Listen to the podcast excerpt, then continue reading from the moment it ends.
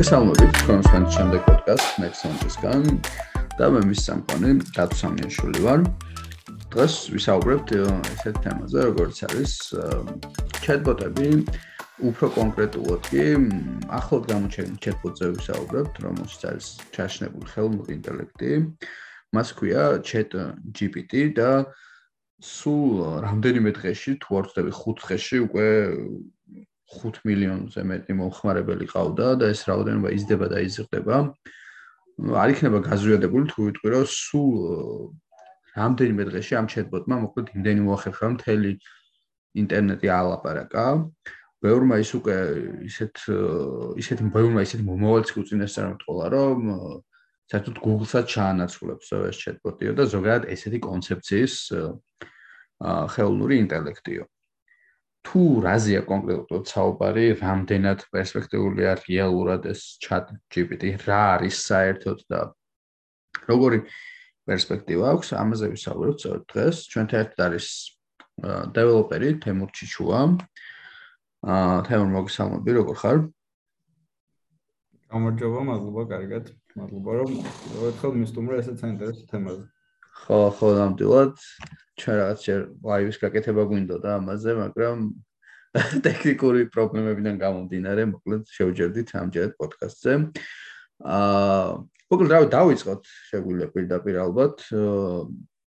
იმაზე თუ ზოგადად რა არის, ხო ეს ჩატბოტი და როგორც კი გამოჩნდა, მე რაღაც პირველი შენ გამახსენდი და მახსოვს მოგწერე და კითხე რომ მეთქი რას მეტყვით ხო ამაზე თქო და შენ პასუხი იყო რომ რა თქმა უნდა იცოდი უკვე, მაგრამ მითხარი რომ აა მოკლედ ესეთი რაღაცაა, რაღაც მსგავსი რაღაცები აქამდეც იყო, ხო?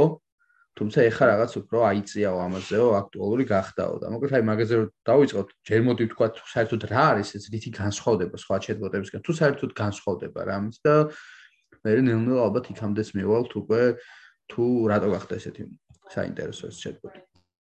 კეთილი, კეთილი. ნუ ცოტა შორიდან რომ დავიწყოთ რა პროცესს სავალთ რომ ჩავიდეთ. აა ზოგადად ტექნოლოგიაზე რომ ვილაპარაკოთ, რომელზეც არის chat GPT დაფუძნებული, ხო ესე იგი. თელი ამცანა აა ტექნიკური პრობლემა, რაც კომპიუტერს აქვს ადამიანთან ურთიერთობაში, არის ადამიანის გაგება. ანუ ჩვენ ადამიანები და კომპიუტერი რადიკალურად განსხვავებულ ენაზე ვმეტყველებთ. მიუხედავად იმისა, რომ ვიპოვეთ კარგული გზები, როგორ გქონდეს საერთო ინტერფეისი ინფორმაციის მისაღებად და გასაცემად, მაინც აა ეს ინტერფეისი აკეთებს თარჯიმანს ადამიანის ენისა და კომპიუტერის ენის კომპიუტერის ენის შორის. ანუ ამოცანა, რომელიც კომპიუტერული მეცნიერების დარგი უბრალოდ რომელიც ამ ყველაფერს შეისწავლის, ეს არის NLP. ეს არის Natural Language Processing, ანუ ბუნებრივი ენის დამუშავების მიმართულება. რას ნიშნავს ბუნებრივი ენის დამუშავება? ეს არის აა ბუნებრივი ენა არის ყველა ის ენა, რომელიც თავისი ჩამოყალიბ და ადამიანის ჩარების გარეშე.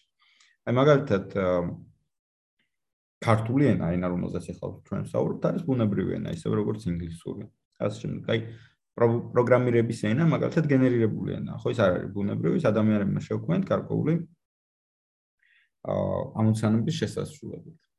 და ბუნებრივი ენის დამუშავება შედგება კიდევ ქვედარგებისა ერთ-ერთი მნიშვნელოვანი არის NLU, რაც არის Natural Language Understanding, ანუ კომპიუტერს ვასწავლით ადამიანის ენის გაგებას და არის NLG, ეს არის Natural Language Generation, რომელიც საბოლოო ჯამში საშუალებას გვაძლევს, რომ დავაგენერიროთ ბუნებრივ ენაზე არსებულ ტექსტები.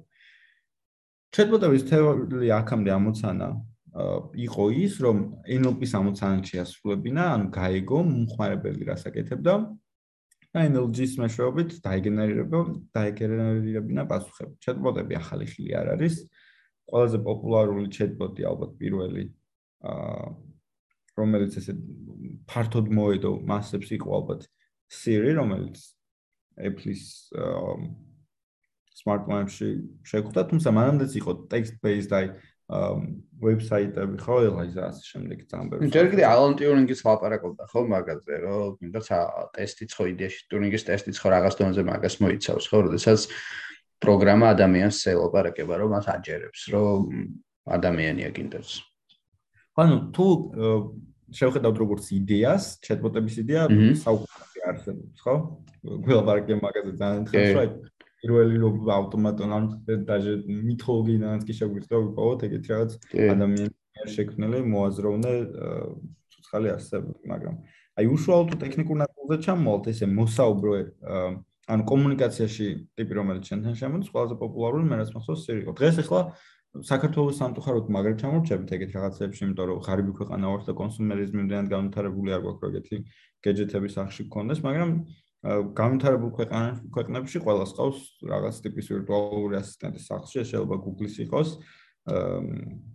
ის რა ქვია, Amazon-ის Alexa, ასე შემდეგ, რაღაც სახით chatbot-თან კომუნიკაცია წლებია უკვე მინდა ახალი ხილი არ არის რა. როგორ ხდებოდა ეს ყველაფერი, ანუ ორი სხვადასხვა ამოცანა ვახსენე, ეს არის NLP, ენის ბუნებრივი დამუშავება და NLU. თავიდან ეს ყველაფერი ხდება ხდებოდა ალგორითმულად. მაგოდ რას ნიშნავს ალგორითმი? ეს ნიშნავს, რომ გარკვეული წესების, ფორმულების და ანგარიშების მიხედვით ხდებოდა გამოთვლა კონკრეტული ტექსტი, რა სახის ინფორმაციის მატარებელი იყო, მაგრამ ნუ ეს არც ეს წარმატებული იყო ყოველთვის, იმიტომ რომ ენა არის ცოცხალი ორგანიზმი, ვითარდება, იზრდება და უსასრულო არის ენის შესაძლებლობები. შესაბამისად, სასრულო რაღაც მარტივ გამოთვლით ფორმულებში ბერძდება და ვერასდროს ეს ყველაფერი. პირველი ყველაზე დიდი გადამტეხი გადამტეხი პერიოდი ამ მიმართულებაში იყო მანქანური სწავლების მოდელების განვითარება, ხო, როდესაც გაჩნდა ბერტი იყო მაგალითად ყველაზე მნიშვნელოვანი პოინტი ალბათ რა, ეს ბერტი არის bidirectional აა როგორ თქოს იგი აა მოკლედ ენის მოდელი არის ტრანსფორმერები. და ამის მოსა არ მინდა ჩავიდე, იმიტომ რომ ძალიან იქნება გაურკვეველი. ენის მოდელი არის, რომელსაც ტექსტში შემადგენელი ელემენტების, ანუ სიტყვების მნიშვნელობის მიხედვით დამუშავება შეუძლია. ეს რას ნიშნავს, რომ შეიძლება ძალიან დიდი წინადადება გითხრა, მაგრამ მნიშვნელოვანი იყოს აქედან მხოლოდ სამი სიტყვა, რომელთაც აზრი გამოვაქვს. და ნაშრომი რეალურად, რომელიც ამ ყველაფერს ედებოდა საფუძვლად, იყო attention is all you need, თუ სწორად მახსოვს. ეს იყო ესე იგი მანქანური სწავლებისას როგორ შეგვიძლია მანქანური სწავლების მოდელი რა არის ეს სინამდვილეში ცოტა უფრო დახვეწილი სტატისტიკური მოდელი არის ანუ ეს რას ნიშნავს ძალიან ბევრ მასალაზე მანქანური მოდელი ეწყობა და სწავლობს ამ ძალიან დიდი მონაცემების მახასიათებლებს რომ შემდგომ შეძლოს მსგავს მონაცემებთან მუშაობა მაგალითად გამოცნობა შემდეგი მსგავს მონაცემების რაღაც მახასიათებლები და ასე შემდეგ და აა ძალიან მნიშვნელოვანი არის რომ სხვა მონაცემებში გარკვეული წონა მისცე სხვადასხვა ინფორმაციებს. აი ტექსტი მაგალითად უშუალოდ ChatGPT-ზე რო დავუბრუნდეთ. ChatGPT უკან იყენებს ასევე მსგავს ტრანსფორმერების ტიპის მოდელს, ეს არის GPT-3. ხომ? GPT-3 არის ერთ-ერთი ყველაზე დიდი გენერაციული მოდელი და მოდი ამასაც შევეხები, რას ნიშნავს გენერაციული მოდელი. არსებობს აი კლასიფიკატორები მაგალითად. და ეს კლასიფიკატორები ხშირად გვინახავს ხუმრობაც არის ხოლმე მაგაზე, რომ აი სურათზე რო ამოიცნობს ძაღლია თუ კატა. ან რა ხდება ზოგადად სურათზე, ხო? აი მანქანები, რომლებიც თვითონ გადაადგილდებიან, ავტონომიური მანქანები, რადგან ტესლას მომავალი არის რეალურად და ჩვენი მომავალიც დამოკიდებული არის სწორად ეს კლასიფიკატორი მოდელების ერთიანობა, რომელიც ხდება სად გზა არის, სად გზაური გადადის ასე შემდეგ, ანუ მიღებული მონაცემების კლასიფიკაციას აკეთებს. ის არ აგენერირებს არაფერს, მაგრამ არის გენერაციული მოდელები. გენერაციული მოდელებზე ჩვენ ძალიან კაი ლაივი გქონდა თუ გახსოვს, აა, როდესაც ვიზუალურ მხარეს შევეხეთ, ხო, ანუ დალის ნახულობდით და ზუსტად. სადაც ის აგენერირებდა სურათებს. მაგრამ თუ გახსოვს, იქაც ქონდა პირველი ნაწილი, სადაც იყო ეს natural language understanding-ის ნაწილი. რომ ჩვენ შევქონდა ტექსტი, შეგვყავდა გარკვეული ტექსტი პრომპტი, რომელსაც მოდი ბჭყალებს ვთქვა იაზრებდა, იმიტომ რომ არანაირი გააზრება აქ სინამდვილეში არ ხდება და ამაზე ცოტა მოგვიანებით კიდევ ვილაპარაკებ თუ არ იაზრებს, აბა როგორ ასრულებს ამ ყველაფერს, სამშოვანი კითხვა აქვს. მაგრამ ესე იგი, გარკვეულ მახასიათებლებს მოკლედ ჩვენ ტექსტიდან იჭერდა და ამის შემდეგ აგენერირებდა სურათს. ხო? ან მან შეგვიძლია წარმოვიდგინოთ, რომ understanding-ის ნაწილი იყო NLP მოდელი, ხო, გენერირების ნაწილს ჰქონდა, ნაწილში ჰქონდა აა სურათების დასაგენენებელი stable diffusion მოდელი. ამ შემთხვევაში არის სხვანაირად. როგორ იწურთნება ზოგადად ეს მოდელი, აი JPT როგორ გაიწურთა, ხო? მაგალითად, ეგეთი მომენტი არის, რომ ჩვენ შეგვიძლია, აი მე შემიძლია დავიწყო წინადადება და შენ ალბათ ამ წინადადებას შენ თვითონ დაამთავრებ, ხო? ანუ სიტყვა დაამთავრებ, იმდენად ორგანული იყო ამ წინადადებაში, რომ მე თქვა, რომ შენ მათვინო ეგრევე მიხვდა, ეგრევე ალბათ ამოიცნო, რომ აქ უნდა ყოფილიყო რაღაც სიტყვა და იქნება რომ დაამთავრებ. ანუ გულისხმობ როცა შენ წინადებას ამბობ და სადღაც რაღაც ერთი თვარ აქვს დასრულებული, ტვენი ავტომატურად იმას შევალაგებს, ხო? აჰა.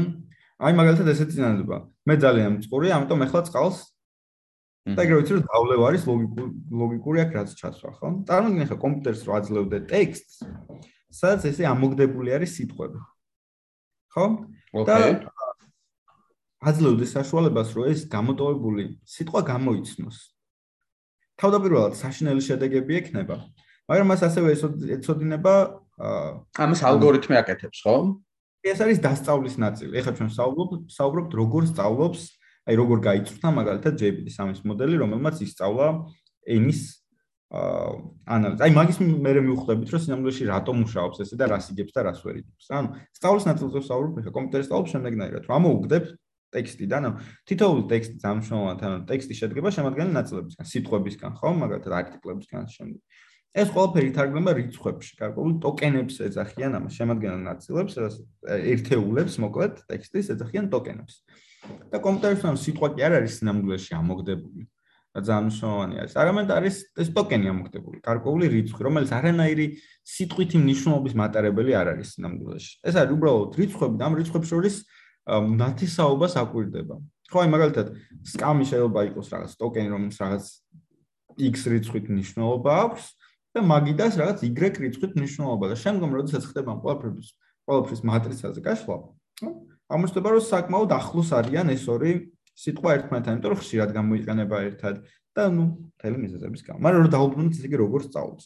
მსგავსი სიტყვები არის ამოგდებული და AI-ის თავდაპირველად აძლევენ ამოცანას სწავლისას, ხო, რომ გამოიცნოს რა სიტყვა შეიძლება ყოფილიყო აქ. თავდაპირველად არის ეს ძალიან არასუსტი, ძალიან მცდარი მისი გამოცნობები, მაგრამ წარმოიდგინე რომ უსწორებ. თუ არასწორად გამოიცნობს, უწევ რაღაც სხვა კულას, თუ სწორად გამოიცნობს, უწევ სხვა კულას. იმიტომ რომ იცი შენ სიამოვნებაში სიტყვა. ოღონდ ამასაც ალგორითმი აკეთებს თავის. ანუ ესე იგი, თვითონ სწავლობს მოკლედ ალგორითმი რა სიტყვა უნდა გამოიცნოს, იმისთვის რომ ეს წინადადება სწორი იყოს. ანუ გამოტოვებულ ადგილას სვავს სიტყვას და მანამდე წვალობს ამ სიტყვების ჩასმაზე, სანამ არ მიიღებს იმ წინადადებას, რომელიც თავიდან იყო ჩაფიქრებული. დილეტანტური კითხვა რო დავსვა, საიდან ხდება, რომ საიდან ხდება ხშევას გავუშვის ეს შეკითხვა რა, როგორ ისმის? საიდან ხდება, რომ სწორი პასუხი მიიღო? ძალიან კარგი კითხვა. ეს წარმოგიდგენთ, რომ კომპიუტერზე არის პროგრამა გაშვებული, რომელმაც სწორი პასუხიც იცის და ამოგდებული ვერსიაც. აჰა. და ანუ მასწავლებელს და მოსწავლეც ერთად არის კომპიუტერზე გაშვებული მაგდროს რა. მოდელი წურთნება. მაგრამ პროგრამამ, პროგრამა წურთნის ამ მოდელს. აი წარმოგიდგენ სკოლაში როგორც ხდება, ხო, მასწავლებელმა მათემატიკის ამოცანაზე ხო იცის სწორი პასუხი, მაგრამ მოსწავლე წვალობს ხან იმას ის ხან ამას ის და საბოლოო ჯამში, როდესაც იპოვის ამოხსნას დაჯილდოვდება, იმიტომ რომ სწორად გააკეთა დავალება. ანუ ჩვენ გვაქვს ამ ბევრი მსგავსი დაჯილდოების მექანიზმები, აი სეროტონინი მაგალითად ხო, რაღაც ენდორფინები არის. გავსიმ სისტემა არის წარმოიდგინე რომ რიცხვი რიცხვებში რო გადავიყენოთ და ეს პროგრამა რო წარმოგიდგენთ ჩვენ twini სტაჯილდობის მაგრამ ეს პროგრამა გვაძლევდეს რომ ყოველჩა AI მოდელო ჩვენ სწორად გააკეთე ეს კონკრეტული დავალება. ეხლა შემდეგი წინადადება მაგრამ. და ესე იგი ამავდროულად გარკვეული პარამეტრები იცვლება AI სწავლობს ეს მოდელი მოკლედ რა სწავლობს რომ ესე იგი ამ წინადადებაში რაღაც აი აი პარამეტრებით სწორად ვიცნობს. სამსად ხდება ამ პარამეტრებზე გათხოვნა მოკლედ და საბოლოო ჯამში მილიარდობით მსგავს დატაზე რომ გადაიწვრთნები უკვე შემდეგი სიტყვის გამოსნობაში არ ეყავს ბადალი ამ იმას რა ქვია მოდელს. ანუ შეიძლება პირველი სიტყვა თქვა და მთელი წინადადება დაგეგენერიროს იმის მიხედვით თუ რა იყო პირველი სიტყვა, მაგრამ უფრო მნიშვნელოვანი რაც არის აქ რითიც უნიკალური და უნიკალურია ძლიერი არის ეს მოდელი არის ის რომ არამხოლოდ წინა სიტყვას აკვირდება ამის გამოცნობისას, არამედ მთელი წინადადების კონტექსტს აკვირდება. ანუ შუაში რომ მოაგდოთ სიტყვა, იმის მიხედვით ამ ამოგდებიან მასკირებას ეძახიან ამას რა, ანუ შენ იყოს, აი შუაში რომ ხელი დავაფაროთ სიტყვას. და AI-ის რო უთხრათ რომ გამოიცანი ეს სიტყვა. განა მანამდე კითხულობს წინადადებას და ჩერდება. თელ კონტექსტს და კონტექსტის დიაპაზონს უთითებ, ხო? ანუ ამ ნიღბის მარცხნივ და ამ ნიღბის მარჯვნივ თელ ტექსტს კითხულობს და ამის მიხედვით მიხვდება იქ რა სიტყვა უნდა იყოს. და ასევე ამით ხდება წინანდების რა ნაწილი შეიძლება უფრო მნიშვნელოვანი იყოს ამ კონკრეტული სიტყვის გამოსნობაში და რა ნაწილი ნაკლებად მნიშვნელოვანი. აი სწორედ ეს აძლევს საშუალებას, რომ რელევანტური პასუხი გაქცეს. აი attention is all you need რო ვთქვით, ხო? ანუ ესე იგი ეგ ეხმარება მოდელს რომ მიხვდეს შენი შეყვანილი წინადების ადგილას, ან შენს შეყვანილ წინადებაში რა ნაწილი არის მნიშვნელოვანი საკვანძო საძირკველი ნაწილი რომელზეც უნდა კონცენტრირდეს გამოცნობისას და რა ნაწილი არის მაგალითად ფილერებს ეძახიან ხო? რაც უბრალოდ წინადადებას წელავს. აი რაც უბრალოდ იყო ეხა ჩემი ამ წინადადების გასაცდელი სიტყვები მაგრამ წინადადებას წელავს იყო რამაც აზრი გადმოგწია იყო რაღაც გავსი და ხდება რა მაგრამ ეს არის ერთი საფეხური chat GPT არ არის მხოლოდ ესეთი მარტივი გენერაციული ენის მოდელი მას შემდეგ რაც ესეთ საბაზო ენის მოდელს შექმნი მე შენ შეგიძლია გადაწორთნა ან fine tuning-ი გაუკეთო აა სხვა სხვა ამოცანებს. და ერთ-ერთი ამოცანა, აი conversational AI-ების ან chatbot-ები რაც არის რეალურად აა ნაწილი არის კითხვა პასუხზე დასწავლა. აქ უკვე თვით დასწავლა აღარ ხდება, აქ ხდება შემდეგი რამ, რომ ადამიანები წერენ შესაძლო კითხვებს, ნამ შესაძლო კითხვებზე შესაძლო პასუხებს. ხო? მაგრამ მაინც იგივე პრინციპით სწავლობს რეალურად, რომ კითხვას უსვავ chat GPT-ს, ანუ აქამდე ხო ქონდა რომ წინადადება იყო, მაგრამ ხელსაფარებდი კონკრეტულ სიტყვას. ეხლა წარმოგიდგენ რომ კითხვა არის, რასაც უსვამ და პასუხი არის, რასაც აქ ხელი დაფარებული. და იმის მიხედვით, რამდენად ამ პასუხთან ახლო პასუხებს გასცემს, იწუხნება თავიდან. საბოლოო ჯამში ვარჯიშობს იმაში, რომ შენ მიერ დასმულ კითხვაზე ზუსტად უპასუხოს. და ზუსტად ასე, როდესაც მილიარდობით ადამიანის მიერ შექმნილ კითხვა პასუხებზე გადაატრენინგებ მას, მან უკვე იცის რა კითხვაზე რა პასუხი გაგცეს. მაგრამ ეს ყველაფერი არის ჩატენილი მანქანური სწავლების მოდელში. ანუ ამ მოდელს, აი, როგორც ადამიანს თავისი ცოდნა დააქვს, აი, ინტერნეტი და ტელეფონი რო გამოართვა კომპიუტერი და ყველაფერი უბრალოდ ქუჩაში რო დააკანო, ხო? და აი რაღაც რო კითხო. ესე იგი, პირველ რიგში გაიგებს შენ რა კითხე, ანუ გამოიტანს აზრს ადამიანი ამ მოდელისგან განსხვავებით თავის ტონში წავა მოძებნის რა ინფორმაციები იცის ამ შენ კითხვასთან დაკავშირებით და საბოლოო ჯამში ეცდება რომ პასუხი დაგიგენერიროს, ხო? და დაგიბრუნებს რაღაც კი პასუხებს. აი ChatGPT-ს გავსად მოქმედებს იმ განსხვავებით, რომ სინამდვილეში ვერ გადაიაზრებს შენ რა უთხარი, მაგრამ იმ იმდენ კითხვაზე აქვს ნასწავლი როგორ გასცეს პასუხი, რომ შენ კითხვასაც იმ თელი ინფორმაციით, რომელიც მასში არის ჩატანილი და უმამრავი ინფორმაცია არის მასში ჩატანილი, ეცდება დაგიგენერიროს პასუხი, რომელიც ამ შენ კითხვას შეეფერება. თან ისე რომ ჯერ პოულობს, ესე იგი, ჯერ კი არ პოულობს, პროცესში პოულობს შენ კითხვაში ყველაზე მნიშვნელოვანი ნაწილი რა იყო, რასაც აქცენტი უნდა გაამახვილოს და პასუხში სწორედ ამაზე ხდება საბოლოო ჯამში პასუხის გამახვილება. ეს არის რა ხდება შავი ყუთის შიგნით ცოტა high level-ს. ხო, ან და ეხ გამახსენდა ეს აა მექანიკური თურქი, ხო, იცი შენად რაც მოგონ გვისაუბრე მაგაზე. კადრაკის ხო? ხო, ხო, ტიპი რომელიც ჯუჯა რომელიც იჯდა ამ ასე თქვა ჭადრაკის ყუთის ქვემოთ და მთელი იდეა რა იყო, ხო? ანუ აა ზემოთ იყო თოჯინა, რომელსაც რომელსაც ვითომ ეს თოჯინა ამოძრავებდა რა ფიგურებს, ეს თოჯინა თამაშობდა ნაპოლეონის ეთამაშა მას რა და ადამიანებს მოკლედ ვინც ყოველს უგებდა რა და ნუ რეალობა ის იყო რომ ეს ჯუჯა იყო და კარგი მოჭადრაკე.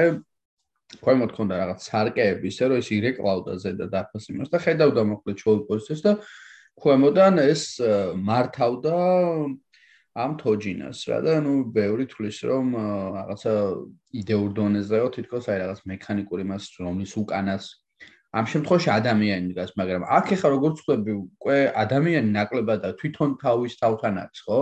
რეალურად ეს ხო, წარმოიდგინე ადამიანი თავიდან იყო საჭირო რომ შეიქმნა ეს ყველაფერი და ახლა მაგის მერე თვითნებურად ვითარდება.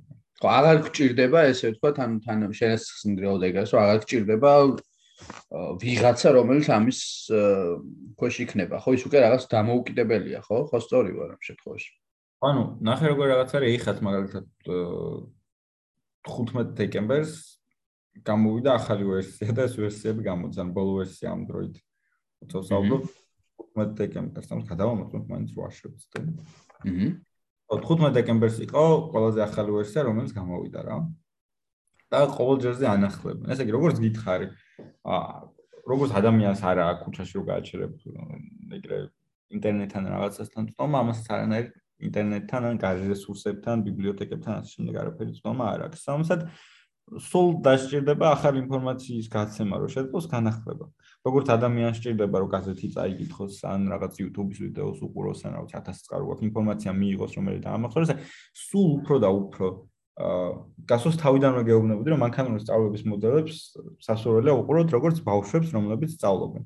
ანუ იმდენი ისწავლოს რომ ბავშვები აღარ არიან რა უკვე შეგვიძლია ცოტა დასრულ ადამიანები შევხედოთ რომ რომლებსაც უბრალოდ სიახლეები უნდა მიაწოდო და გაწყვეტნა კონკრეტული ამოცანებების კეთებისთვის იმიტომ რომ შეიძლება ნახოთ და რა ვიცი ერთი მაგალითი გვაქვს მაგის გაშლილი რომ საკმაოდ კარგად ასრულებენ იმ ამოცანებს აი chat GPT-ს მაგალითად Amazon-ის AWS-ის სერტიფიკატი აქვს აღებული იმიტომ რომ გაუშვეს აა ესე რა ქვია კითხვა ანუ რაც ჩვენ დეველოპერმა შეიძლება გაიარო ტესტირება მაგაზე გაუშვეს მაგ კითხვებს უწერდნენ და 80%-ზე მაღალი აიღო სწორი პასუხების თავისი დაგენერირებული პასუხებით რაც ნიშნავს რომ სადღაც თუ არის პროგრამისტი რომელიც რომელმაც კოდის წერა იცის და თეორია იცის რა ვიცი, რა რამდენიმე წლიანი გამოცდილებით ზუსტად იგივე ChatGPT მიცის, მაგრამ კიდევ ერთხელ ვიმეორებ, რომ ის ნამდვილად ვერ იაზრებს რას აკეთებს, რა, ანუ ადამიანს შეკავს პრომპტი და ის შესაბამის პასუხს აგენერებს. მაგრამ თუ იმას ვიტყვით კიდევ ადამიანი უკან არის ამ პროცესების უკან ხარ ძალიან აქტიურად არის კიდევ იმიტომ რომ აა მიუხედავად იმისა რომ ეს მოდელი შექმნილია მას სჭირდება მთელი მომსახურება ეს ეკოსისტემის გამართვა მათეს რამები, მაგრამ თუ უშუალოდ სწავლის პროცესს, ხო, სწავლის პროცესიც რა ვთქვა, ეხა საკმარისი იცის უკვე იმისთვის, რომ აა ეს სკაუსი ამოცანები შეასრულოს, ანუ ენაზე, მაგალითად ინგლისურ ენაზე, მაგრამ აი ქართულ ენაზე თუ მიწერ რაღაცას, მე და სანდრო ცდილობთ იმას რომ საუბრობთ. ასეთიანი ძალიან დებილობებს აგენერირებს, იმიტომ რომ არ არის გაწუთნილი ქართულ ტექსტი ან სხვა სხვა ტექსტი. საკმაოდ მწირია. საერთოდ აღიქავს რამეს? იგი აღიქავს და ცდილობს რომ რაღაცები დააგენეროს თან სასაცილო აკეთებს. მაგრამ ნუ რახან არ არის გაწურთული მაგამოცანებზე არც ისე кай შედეგები აქვს. გამარჯობა სანამ პრიმიტიულ დონეზე მაინც ხდება თუ ვაფშე ვერაფერს. აი რა ვიცი, ხა მიუწერ და გავტესტავ. სამ გესაუბრებ. მედი აბა, საინტერესო. ვარ ხარ. ხო ხარ უსტრიმავდეთ ამას გაასწორებ და პასუხი. კე. ხომ დრო ჭირდება ეს არის კიდე ძალიან მნიშვნელოვანი, ხა ველოდები. მეცაც მე ვარ ხო გამოიყენოთ ნელა არ გითხულობ ხალხო ეს ნელა წერს რაც მე მუშაობს ო აი ეს რაღაც დამიგენერია რა როგორ როგორ რაო მეცაც მე ვარ გთხოვთ გამოიყენოთ ინგლისური ენა რაც მე მუშაობს ანუ აი მოგდოთ ხოლს რომელსაც ინგლისური ახალი ნასწავლი აქვს ძალიან სულად აი ეგრე ინგლისური და ქართული ეგრე ლაპარაკობს ხო კი, იმიტომ რომ ანუ არ არ არის ის ქართული რა, ზუსტ კაი შედარება იყო ძალიან. ანუ საკმარის ქართული არის, მაგრამ საკმარის ქართულს ყავს სწავლი, ქართულად ვილაპარაკებს და რეალურად მაქვს მიზნად და ვაპირებ ამ წელს ვიმუშაო მაგაზე, რომ ქართული ენის მსგავსი GPT მოდელი შექმნა, რომელიც აბსოლუტურად AI იქნება და ადამიანის ჩარევს კარგი. მაგრამ იმდენი იცის, რომ გაგაგებინა, რომ გთხოვო, რომ სხვანაირად მომიდექიო. ხო, ანუ ეხა ჯერ კიდე აგენერირებს, იცი რაღაც მეცაც მე ვარ, გთხოვთ გამოიყენოთ ინგლისური ენა, რაც მე მუშაობს. თქვენ შეკითხვაზე პასუხისგებელი ვარ. მე ვარ საუკეთესო ტექნოლოგიის დარეგისტრირებული AI-ის მოდელი, რომელიც განსაზღვრულია ადამიანთან ერთადერთი მსგავსი ტექსტის გენერირებისთვის. ხო, ნუ აი რაღა რაღაცას მაინც წერს რა. საკმაოდ კომპლექსური წინადადება შემოგთავაზა. ხომ ამისა რომ სტრუქტურულად არასწორი არის. გაგაგებინებს ის თქმა უნდა, ხო? ხო, რა ახალი აქვს თვითონ ენაო და ეხლა ეს ჩვენ რაც რეალურად ვილაპარაკეთ ხო ანუ ეს ზოგადად აი უფრო მაინც ის იყო რა ზოგადად აი AI-ის თემა და ესე რომ chatbot-ის და აი უშუალოდ ამ chatbot-მა რატომ მიიქცია ამ ხელყურადღება შენი აზრით რა? ხო ძალიან კაი გითხვა ძალიან გითხვა ხო და აქ ხო არის მე ის თემების ეხლა რაც თავროთ ისაუბრებ რომ აი რო შეუძლია ესე დაგიწყოს ლექსი დაგიწყოს მთელი ამბავი აჰა კი. ან ნახე ეს ჩატბოტები ხო ახალი თემა არ არის, მაგრამ ტექნოლოგია რომელზეც ეს დგას, რაც რაზეც ახლა ვისაუბრე, GPT-3, ხო? ენის მოდელი. ეს უკვე წლებია არსებობს, მიუხედავად იმისა, რომ ეს მოდელი ძია open source არ არის, OpenAI-ის, რომელმაც ეს მოდელი შექმნა, API აქვს გამოდებული, რაც ნიშნავს, რომ დეველოპერებს შეუძლიათ თავისი აპლიკაცია დაწერონ, რომ გამოიყენონ ეს მოდელი და ვიღაცებს ქონათ ჩატბოტი აწყობილი, მაგრამ ალბათ უკვე წინადადებაში დააკვირდი პრობლემას, რომ დეველოპერებს შეეძლოთ გამოიყენებინათ და მის გარშემო პროდუქტი შეექმნა. აა საქმე იმაშია, რომ 2019 წელს Microsoft-თან გააფორმა OpenAI კონტრაქტი, რაღაც მილიარდ დოლარიანი იყო მახსოვს და მაგის მერე მიდიან საკმაოდ კარგად და მისცეს საკუთარ თავს უფლება, რომ პირველ რიგში თვითონ შეექმნათ პროდუქტი ამ მოდელზე, chatbot პროდუქტი, ანუ გაეწუთნათ ეს მოდელი, რომელიც ძალიან ძვირი დაჭდა, ანუ ჩვეულებრივ ადამიანს, ჩვეულებრივ კომპანიებს არ აქვს მსგავს, იმიტომ რომ რადგან ხა ჩვენ ლაპარაკობთ მილიარდობით დატასკა და და და შემდეგ ეს რიცხვები მაგრამ არნახული რაოდენობის კომპიუტერული რესურსი ჭირდება რა და არც იყო ტექნიკურად აქამდე ხელმისაწვდომის გავსმანცემ და არც ბიუჯეტი არ ქონდა არავის რო ეგეთ მიმართულებაში ჩაედო ფული. ეს OpenAI გამოსცა თქვა რომ მე ვაპირებ ვიყო დომინანტი ამ მიმართულების და ნუ ყველა უსაპორტებს, იმიტომ რომ მისი შედეგი მართლა კაცობრიობას რადიკალურად შეცვლის და უკვე შეცვალა ამ რამდენიმე დღეში. მეგობრები ვისაც გაუზიარეთ და მათ შორის მე ინგლისურ ენაზე წერილს აღარ წერთ რა ვეუბნებით რომ ChatGPT დამიწერეთ და მიწერს ისაც მინდა. და მეორე მნიშვნელოვანი არის ის რომ ინტერფეისი შექმნეს რომელიც არის უპრიმიტიულესი და უმარტივესი ნებისმიერი მომხმარებლისთვის ანუ აი უმარტივესი სასაუბრო წყარო არსებობს, რომელიც აი ტექნოლოგიაზე, რომელიც სოფლიოში საუკეთესო გენერაციული მოდელი იყო, რაც გითხარით GPT-3 და მხოლოდ დეველოპერებს შეეძლოთ მომაგარკული პროგრამის შესაქმნას და მეერე მიეწოდებინა ხალხისთვის, გახდა ყველა ან დემოკრატიზაცია ეწოდება მაგ პროცესს რა, რომ ყველასთვის ხელმისაწვდომი გახდა რაღაც ერთ საიტზე დარეგისტრირებით. შესაბამისად ბუმი სწორად ამან გამოიწვია რომ ტექნოლოგია უკვე წლები აქ არის თუმცა ესეთი მარტივი გამოყენება და ხელმისაწვდომი არ ყოფილა აქამდე არასდროს და თვითონ აა GPT-3-ზე აწყობილ სხვა ჩატბოტებსაც ქონდათ მსგავსი შესაძლებლობა, მაგრამ როგორც უკვე გითხარით, GPT-3 არის მაგარი ტექსტის დაგენერირებაში. და იქ შეგეძლო შენ რომ წინასწარ ჩაგეწერა რომ აი რამოდენიმე მაგალითი ჩაგეწერა რომ ამ შემთხვევაში ესეა ამ შემთხვევაში ესეა და გეთქვა რომ აი ამ შემთხვევაში რამე დამეგენერირა აი მაგალითად გეჩვენებინა კითხვებს როგორ პასუხობ შენ და მე ახალი კითხვა დაგესვა რომ აი ამ კითხვაზეც დამეგენერირე პასუხი და იმის მიხედვით სწავლობდა რა ეხლა ყველაფერი აღარ გჭირდება ბევრად უფრო გამარტივებული არის მომხმარებლისთვის და მამან გამოიწვა პოპულარიზაცია, იმიტომ რომ ყველაზე მაგარი ტექნოლოგია, როდესაც უფასოდ და სინამდვილეში ხარ ჩვენ გონია რომ უფასოდ არის, თორე ყოველდღიურად წარმოდგენაც არ მინდა რამდენს ხარჯავენ იმაში რომ ეს ჩატბოტები მუშაობდეს. ძალიან ხშირად დავარდნილი არის ხოლმე, ანუ ვერ გველაპარაკებ, იმიტომ რომ მილიონობით ადამიანი ესაუბრება და უკანო წარმოვიდგენ რამ ხელა კომპიუტერული რესურსი ჭირდება ამის მოსახურებას, ალბათ მილიონები იხარჯება ყოველდღურად აა თელეგრამ სტრუქტურის გამართვაზე რა. აუ როცა ხა მილიონები ისე ვისროლე რიცხვი, მაგრამ აი და ეხლა გავუჩნდებოდა ვიღაცას შეკითხვა, ვინც გვისმენს რომ აა ოკეი, მილიონები ხარჯება და ვიღაცამ ესე გამოუშვა და მილიონებს ხარჯავს პროსტა, ანუ რატომ? არა, რას ქვია პროსტა. პირველ რიგში ჰაიპი შექმნა, OpenAI გაიგო ძალიან ბევრმა პოზიციონირდნენ როგორც საუკეთესო ან ვიღარავ საიმიჯოა ამ შემთხვევაში თუ კიდე სხვა ფაქტორებიც არის.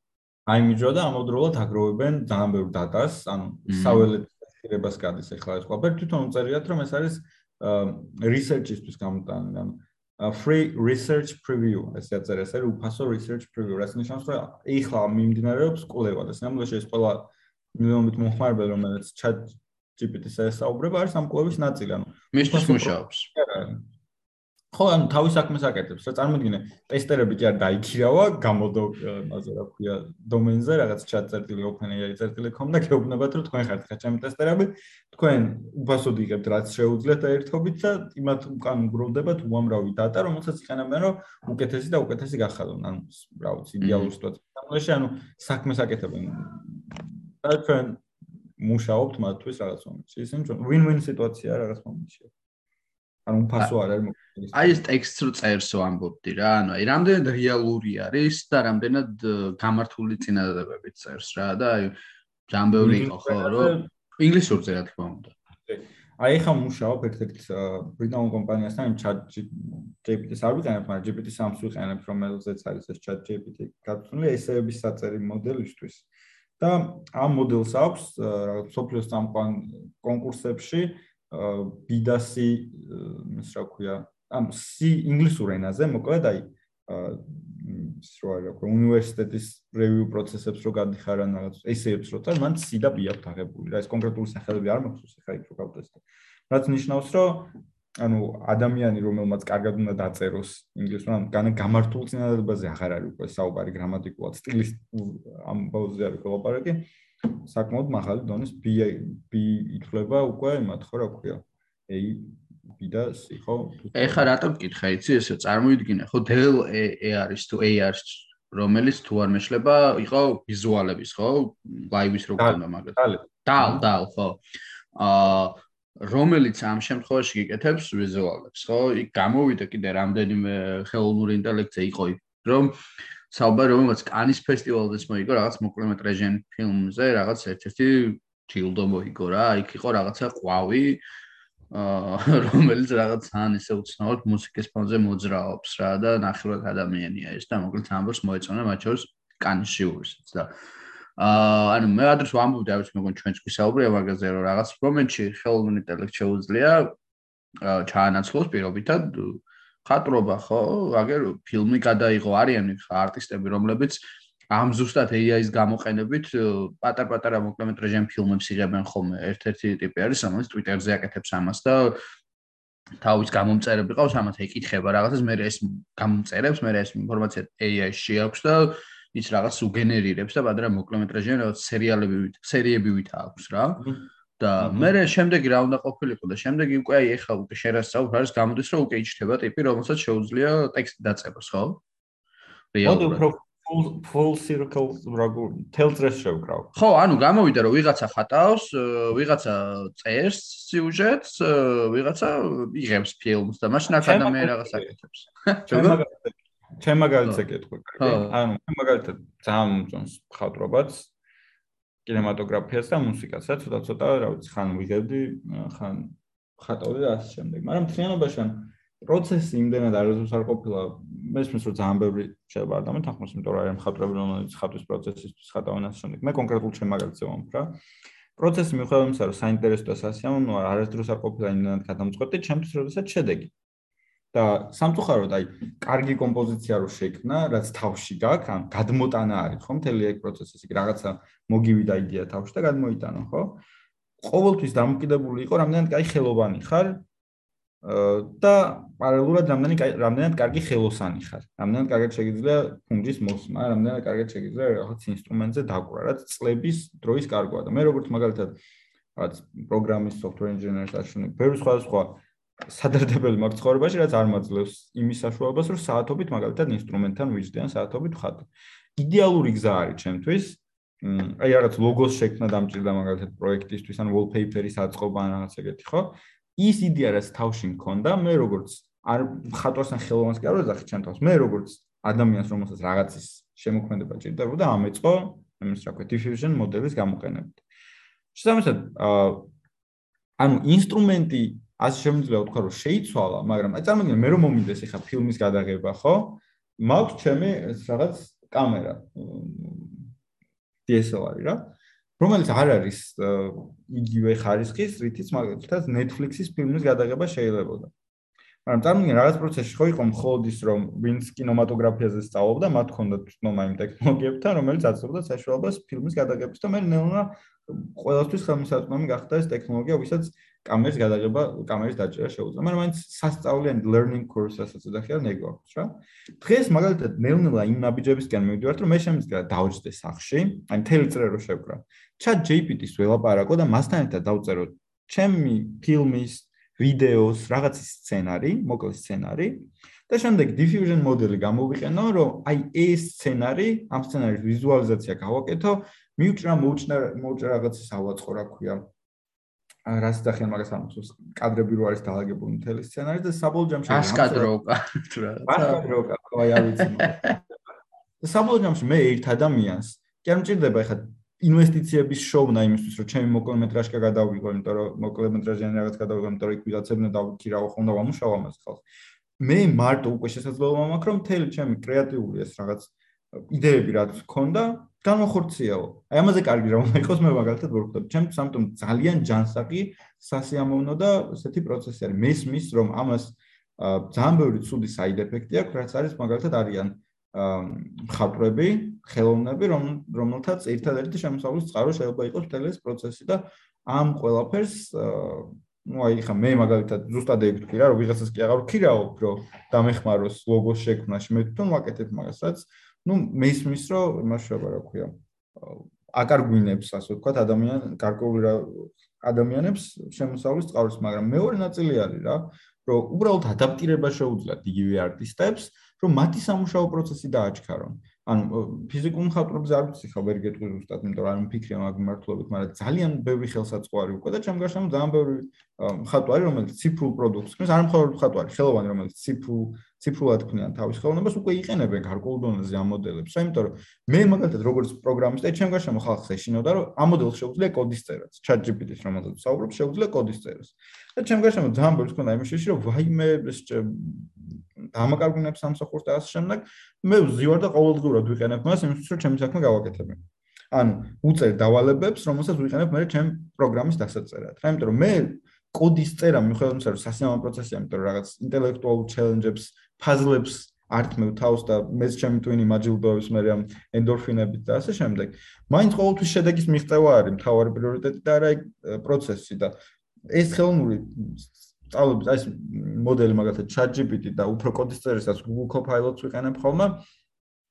აა GitHub-ის მოდელი არის ეგეთი. რასაც კვირები უნდა დამეხარჯა, ვაკეთებ გავს რაღაცებს ერთ-ორ დღეში რა. ან ბევრად მეხმარება. სამსად ეს იყო გარდაუვალი პროცესი, რომელიც თანდევს პროგრესს. ინდუსტრიული რევოლუცია რო ავიღოთ, ხო გვილაპარაკია მაგაზე. ინდუსტრიული რევოლუციაც ხომ მსგავსი პროცესი იყო, რომ რაღაც პერიოდში ძალიან ბევრი ადამიანი, რომელიც ხელით ასრულებდა შავს სამუშაოს, ჩანაცვლა გარკვეული მექანიკური მოწყობილობებით, რომლებიც მათ ეხმარებოდათ უფრო სწრაფად, ანუ მეძამებს ეხმარებოდათ უფრო სწრაფად, უფრო მეტი პროდუქტი მიიღოთ, ხო? თავიდან იყო მან ზუსტად იგივე პრობლემა და დარდები, რომ აი ხარისხიანი რამდენად იქნება იქ, იმიტომ რომ quality assurance-ს ეს თვითონ ადამიანი აკეთებს, ხო, რამდენად ანუ კარგი ხელოსანი, კარგი ხარისხის პროდუქტი ქიქნეს, მაგრამ ეს ეს დამაზე ლაპარაკი ხო სისულელეა რა, იმიტომ რომ ვიცით რომ რაღაც იდეალური წარმოება არის, ყველა წარმოებას აქვს თავისი რაღაც დანაკარგის ნაწილი, ხო? მან მაგრამ მაგაზე ხო არ უნდა ვსაუბრობთ, რა, ყველა ვიცით რომ რაღაცას გააკეთება თუ გინდა, ყველაზე ლოგიკურია რომ რაღაც მოწყობილობამ გაიკეთოს ძირითადი სამუშაო, მაინც შავი სამუშაო, იმიტომ რომ აი მე მაგალითად ჩვენ რაზეც ვაპარაკობთ აი ანიმაციით იდეაც ხო იყო რომ მე პირადად არ მიმაჩნია ეთიკურად ადამიანს რომ შავ სამუშაოს აკეთებინებ რა. იმიტომ რომ ზოგადად ჩემს ცხოვრებაზე არის ესეთი რომ ადამიანები არ ვართ. მიუხედავად იმისა რომ თელი ის იდეები არის რომ მარკეტულ შობილობ და ასე შემდეგ და ნუ მე მაგალითად სიამოვნებს საინტერესო რაღაცებზე მუშაობა. ის შავი სამუშაოს ნაწილი და ტანჯვა და ეს რაღაც მარტივობა სულ არ მგონია რომ უნდა იყოს თამდევი ამ ყოველფრის და რაც უფრო მეტ ხელსაწყოს ტექნოლოგიას მოვიფიქრებთ რომ ამ პროცესში დაგვეხმაროს, ალბათ უფრო მისასალმებელი უნდა იყოს. მე მაგალითად აი ეგეთი საუბარი მქონდა ეს ChatGPT-ს არ ეხება, მაგრამ diffusion მოდელებს ეხება, რომელიც სურათებს აგენერირებს, ხო? ერთი მეგობარი მყავს, რომელიც digital arts ქმნის, ციფრულ ხელოვნებას ქმნის, AR მოდელებს და ასე შემდეგ და მაგრამ მითხრა რომ თვითონ ძალიან იყო შეშფოთებული ამ იდეით რა რომ ერთ-ერთი შემოსავლის წყარო იყო მისი როგორც ვიცი და პარალელურად მიხედავთ რომ ცდილობს ადაპტირებას, მაინც აი რაღაც აი რა ქვია საკმაოდ საკმაოდ პრობლემები შეიქმნა ბაზარზე, მაგრამ მე მომიყვა რომ თავის მეგობარს ესაუბრა, რომელსაც კიდურების პრობლემა აქვს. ზუსტად არ მახსოვს რა, მაგრამ უვითარდება და ანუ მოტორი მოტორულ შესაძლებლობებს კარგავს რა. ხარტვარი არის არა და ის და ანუ ეს diffusion მოდელის რაღაც ხელს ყვა, რომელთაც ბევრად უფრო ანუ ხატავს ისევ რა, შეუძლია ამ რაღაცებს დახმარებით ხატოს. და წარმოგიდგენთ რა მაგრამ რომ მე გეთანხმებით რომ შეიძლება არაეთიკური იყოს როდესაც თქვენ ნახატებზე მოდელები იწვნება და მე რამ ხელსაწყოში შენდება მაგრამ ის ისიც ხო გასათვალისწინებელი რომ მე დამიტოვოთ რაღაც მუშაობის საშუალებაო რა ეს საუბარი ამაზე რაღაც ბოიკოტი დაიწყეს ხოლმე რომ AI generated art რაღაც არალეგალური გახდეს შემდეგ რა და მესმის აბსოლუტურად მას მათ გულის ყომა მაგრამ მეორე ხალხ მეორე ადგილას არიან ხელოვნებები რომელზეც შენი საუბრე რომელიც ამ ხელსაწყოებს იყენებენ იმის რომ მარტო დაჯნენ სახში, დასკნენ სახში და დააგენერირონ ეს არტი და რაღაც მეც იგებენ, რა ქვია, ჯილდოებს ავერდებს და რაღაცებს იგებენ, ხო? აი ჩემი რჩევა იქნება მაგალითად ყოველთვის ეგრე იყო რა, რომ როდესაც რაღაც ტექნოლოგია გამოდის და მნიშვნელოვანი ინდიკატორი არ არის ხა რომ ბევრი ადამიანი იყენებს, ხო რა ხან chat GPT-ს მილიონობით ადამიანი იყენებს, მაგიტომ არ არის კარგი, იმიტომ რომ ისტორია გვაჩვენებს, რომ რასაც ბევრი ადამიანი მოიხმარს, აპრიორში კარგი არ არის. მაგრამ შეიძლება დაფიქრდეთ ხო რაღაც საჭირო და შეიძლება პროგრესისკენ მევალიყოს და შიშის მაგივრად ან ამისგან გაქცევის მაგივრად ჩემი აზრით ყველაზე ოპტიმალური ცა არის ვისწავლოთ ეს ტექნოლოგია, გავიგოთ ეს ტექნოლოგია რა არის და უფრო მნიშვნელოვანი. მოვიფიქროთ როგორ გამოვიყენოთ ჩვენ ყოველდღიურობაში, ჩვენი სამუშაო პროცესი დავასწრაფოთ, ან ჩვენ ყოველდღიური ცხოვრება დავასწრაფოთ, ან ცხოვრების ხარისხი გამოვაუმჯობესოთ. რა მე მაგალითად ეგრე უყურებ მაგ ყველაფერს, რომ შეიძლება ძალიან ნაივარი ხარ თქვას კი არ ვასწავლოთ ასე შემდეგ. შეიძლება ძალიან გულუბრყოდ უყურებ მაგ ყველაფერს და სამდაში რაღაც დისტოპიური სცენარისკენ მივექანებით, მაგრამ ხო ყველაფერი მაინც იქით წავა, საითკენაც ჩვენ გავაერთიანებ, მიუშვებთ ასე ვთქვათ ამ მიმართულებას და თუ უმრავლესობას გვექნება ალბათ თავში იდეა როგორ შეიძლება ამის გამოყენება ჩვენ სასარგებლოდ. საბოლოო შედეგი ესე კიდევ აქამდე ყოველთვის მომხდები ხოლმე ჩვენ საუბრებში რა ყურადღებას. AI-ის პირადი ინტერესები არ აქვს. ამ ჩეტბოტსაც მიუხედავად რომ ადამიანები საუბრობს საერთოდ არ აქვს ჩვენთან საუბრის სურვილი. ადამიანებმა შევქმნით და ადამიანები უგზავნით დავალებას რომ მაგაზე პასუხი დაგვიბრუნოს თვითონ ინიციირებას არ იწყებს საუბრის. ამით იმის თქმა მინდა რომ ადამიანები ვქმნით ამ ტექნოლოგიას და ისევ ადამიანები მოვიხმართ. ერთ-ერთი საშიში ელემენტი ამ გოლში ამ ეტაპზე არის ადამიანი. აი ომას საუნდა რა რომ AI არ არის მარტივი ტექნოლოგია და ნამდვილად ძალიან საშიში ტექნოლოგია არის, ისე როგორც ვირტუალი ბომბი. ეს თავისთვის კი არ არის ვირტუალი ბომბი საშიში ტექნოლოგია, ადამიანის ხელში არის რა ანალოგიურად აღვქვა ამ ყოველთვის. ამიტომ რა ვიცი, ჩემი ჩემი შეხედულება ეგეთი არის, რომ ყველა მსგავს ტექნოლოგიას არ ვიცი წერილები წერალი იქნება თუ მე როგორც პროგრამისტი გავუნდებით მთელი ფუსფუსი არის ჩემს სფეროში, რომ ჩაგვანაცლებს მოდელების და მე რა ვიცი ამ ეტაპზე ეგრე ავუქავ რომ პირიქით ამას ვიყენებ რომ როდესაც საქმეს მიკვეთავს ვიღაცა რაღაც არის გასაკეთებელი მომდის იდეა ვიხმარებ ჩატბოტს რომ მე უშუალოდ პრობლემის გადაწყვეტაზე კონცენტრირდე და კოდი მიწეროს მაგალითად რამდენადაც შეძლებს. ჯერ კიდე ჭირდება ჩემი გადამოწმება მომენტებში და ანუ უფრო კოლაბორაციას გავს აი რაღაც როგორ რაღაც არის ვისაც პროგრამირების სფეროში მუშაობ აქ იერარქია რომ ჯუნიორ სენიორ პროგრამისტები არიან როდესაც დავალებას მაგალითად იფიქრებს ამოცანის ამოსახსნელად სენიორ პროგრამისტი და ჯუნიორ პროგრამისტთან ერთად შეიძლება აკეთებს ან ჯუნიორ პროგრამისტს თავის ვერსიას თავაზობდეს, სადმე იჭედებოდეს, მე მიმართულებას აწლობდა სენიორი ან ასე შემდეგ. ჯერჯერობით მაგ ეტაპზე ვართ რა, იმიტომ რომ ტექსტის დაგენერირება ერთია და მე ამოცანების შესრულება მეორე. მაგრამ როგორც უკვე გითხარით, მათემატიკის ამოცანებს ართმევს თავს ეს მოდელი, პროგრამირების ალგორითმების ასე შემდეგ ძალიან ბევრ ამოცანებს ართმევს თავს. კრეატივ ამოცანებსაც ართმევს თავს. შეიძლება უთხრა რომ სიმღერის ტექსტი დაგიწეროს, ლექსი დაგიწეროს, დაჟე მუსიკის ნოტები დაგიწეროს, ну tablature school, აი გიტარის ტავები დაგიწეროს ან ასე შემდეგ. ხო, იმის მიხედვით, ხოლმე და მხოლოდ იმის მიხედვით, რაც აქვს მასწავლი. მაგრამ აი განზიარე ჩემი აზრით, როგორ შეიძლება რომ ამას ვერ უყუროთ როგორც აა უსაზღვრო შესაძლებლობის წყაროდ, მე ვერ აღვიქვა, იმიტომ რომ საოცარი საინტერესო წერლები როგორ შევხედოთ მაგას ან როგორ შევხედავთ? წერლები იმ კონტექსტში რომ აი საინტერესოა როგორ აი გამოიყენებდი შენი შემდეგი ციგნის დასაწერად მაგალითად. ხო და აი ძალიან მაგარი რაღაც არის. მაგრა დავფიქრდი ხა მაგალითად მართლა ვონთ რომ ანუ აი რაღაც სიუჟეტში ვარ რა შუაში სიტყვას და ვეუბნები ამას რომ ესე ესე ესე და რა სიტყვი შენ? და რა ტექსტები მთავაზები რა? ხო წარმოიდგინე რა მაგარია. აი ხა ამ პერსონაჟს რა ჯობია რომ დაემართოს მაგალითად რა. ხო მაგრამ მე ხა ამით ესეთი კითხვა მიჩდება რომ ხო არ იმას ვშვები რა ვახალტუებ ესე ვთქვათ რაღაც პონჩი რა იმიტომ რომ არა კითხავ შენი მეგობრისთვის რჩევა ეს პერსონაჟი მოკვდეს დარჩეს მაგალითად? ანუ არ მიკითხავს დაემთხვა მაგრამ იდეაში რატომაც არა. მაგხრი პრობლემას ვერ ხედავ ხო რატომაც არა თუმცა არ მიკითხავს, მაგრამ გან იმიტომ არ მიკითხავს, რომ იმაჩნია რომ არ შეიძლება რომ კითხო, რომ ისე ახალ ისე დაემთხვა ჩემ შემთხვევაში ორივე წიგნზე, რომ აა ხო, აი, რომ დავწერე მე ვილაპარაკე ვიღაცებთან, მანამდე არ მისაუბრია შუაი პროცესში. მაგრამ ძალიან მაგარი რაღაცა ხო, ან რატომაც არა, ხო, ან ბოლო-ბოლო მართლა მეგობრად შეგიძლია აყიქვა. რა ვიცი, მე მგონია რომ აი ეგ მიდგომა არის ძალიან ხელი შემშლელი ადამიანის განვითარებისთვის, რომ კითხვების დასმა, ვიღაცებთან ურთიერთობა და კოლაბორაცია ტეხავს. მე მგონია, რომ პირიქით, როდესაც რაღაც არის ან რაღაც კითხვა გაქვს, იმაზე ჯანსაღ. აი, აქ ეხლა რა არის, იცი, რაზეა საუბარი, იცი, რომ ალბათ ვიღაცა იტყვის, რომ იქნება ამ პროგრამას შეულო მთლიანად რომანი დაწეროსო და მასში შე რა გინდა. ეგეც არის, მაგრამ არ უნდა ამ პროგრამას რომანის დაწერა. ადამიანს სჭირდება რომანი და ადამიანმა უნდა უთხრას, როგორი რომანი დაწეროს. ხდები რა თქმა უნდა. კი. თვითონ ინდიკატორი ქმედების ვერ იქნება. შენ უნდა მოიფიქრო რაზე უნდა იყოს ეს რომანი. შეიძლება უბრალოდ უთხრა რომ 500 გვერდიანი რომანი დამწერე და ან ეს წინადებად საკმარისი იქნება რომ 500 გვერდიანი რომანი დაგიწეროს მაგრამ როგორ აი მოდი ცოტა წინ წავიდეთ მოდი ერთ ჩაგეკითხები მაგრამ მანამ წინ წავალ 500 გვერდიანი რომანი დამწერე რომ მიწერო ხო დამწერს? მე მგონი 500 გვერდიანი რომანს ეხა GPT არ დაგიწერს, იმიტომ რომ თავისი ლიმიტაცია აქვს, მაგრამ GPT-3 რასაც გესაუბრე, ეს მოდელი, რომელიც API-ს უკვე პროდუქტად არის გამოტანილი, ეგ შეიძლება გამოიყენოს მსგავსი დავალების. უბრალოდ არის მნიშვნელოვანი საკითხი არის, ნახე, როგორც უკვე გითხარი, ამ მოდელებს აქვს კონტექსტი, თვალსაჩინოს კონტექსტი. ეს კონტექსტი არის ტოკენების რაოდენობა, რომელსაც უყურებს მანამდე იმისთვის, რომ გამოთვალოს შემდეგი რა დააგენეროს და ეს შეზღუდულია რა, ანუ 500 გვერდზე, რა ვიცი, 1000ობით ტოკენი იქნება, რომელსაც მთელი წიგნის კონტექსტი ვერ გაითვალისწინებს, მაგრამ წინა თავებში არსებული კონტექსტით რაღაცებს დაგიწევს. რა საბოლოო ჯამში კი 500 გვერდი, ანუ ChatGPT თუ არა, მაგრამ GPT-3 მოდელი შეძლებ 500 გვერდიანი წიგნი დააგენერიროს. ვარა, მაგარია. არის ნეტა ესეთი რამე? კი, კი, დარწმუნებული ვარ, რომ იქნება AI generated books და რა ვიცი, ხა მივსერჩავს ამ საუბრობს, ამ რაღაც უნდა გეკითხა და სამ მანამდე ვიპოვო.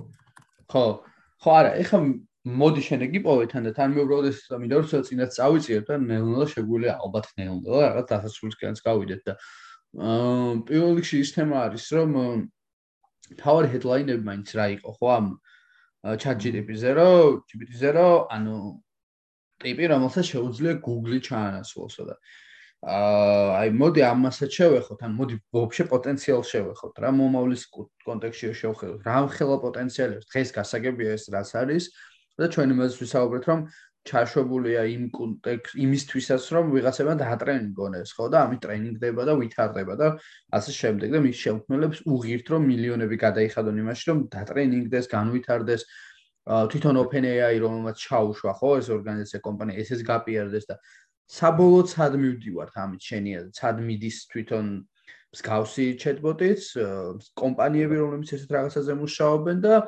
შეერყათ უარა Google-ს რაღაც სპონჩი ესე ვთქვათ თავისი ავტორიტეტი თუ რაღაც ის კამი რომელზეც ახლა მოთავსებულია თავისუფლად გზნობს თავს და არაშინი არაფრის და არ ყავს კონკურენტი. შემდგომში ჩვენ გავიგეთ რომ ცოტა შეიძლება Google აღარ იყოს ლიდერი მანქანური სწავლების და ტექნოლოგიების მიმართულებაში ამ ხრივ რა. Google-ს თუ ავიღებთ როგორც საძიებო სისტემას, მოდი განსხვავება გავაკეთოთ, ხო Google-ს აქვს უამრავი პროდუქტი. ბევრი სხვადასხვა მიმართულებით. ერთ-ერთი მათი პროდუქტი ასევე იყო ეს conversational AI, მოსაუბრე AI, ხო, OK Google რაც გვაქვს რა, რომელიც არც ეკაია ყველას, რა ვიცი, მე ვიტანებ და ვიტანჯები, მაგრამ მაგალითად.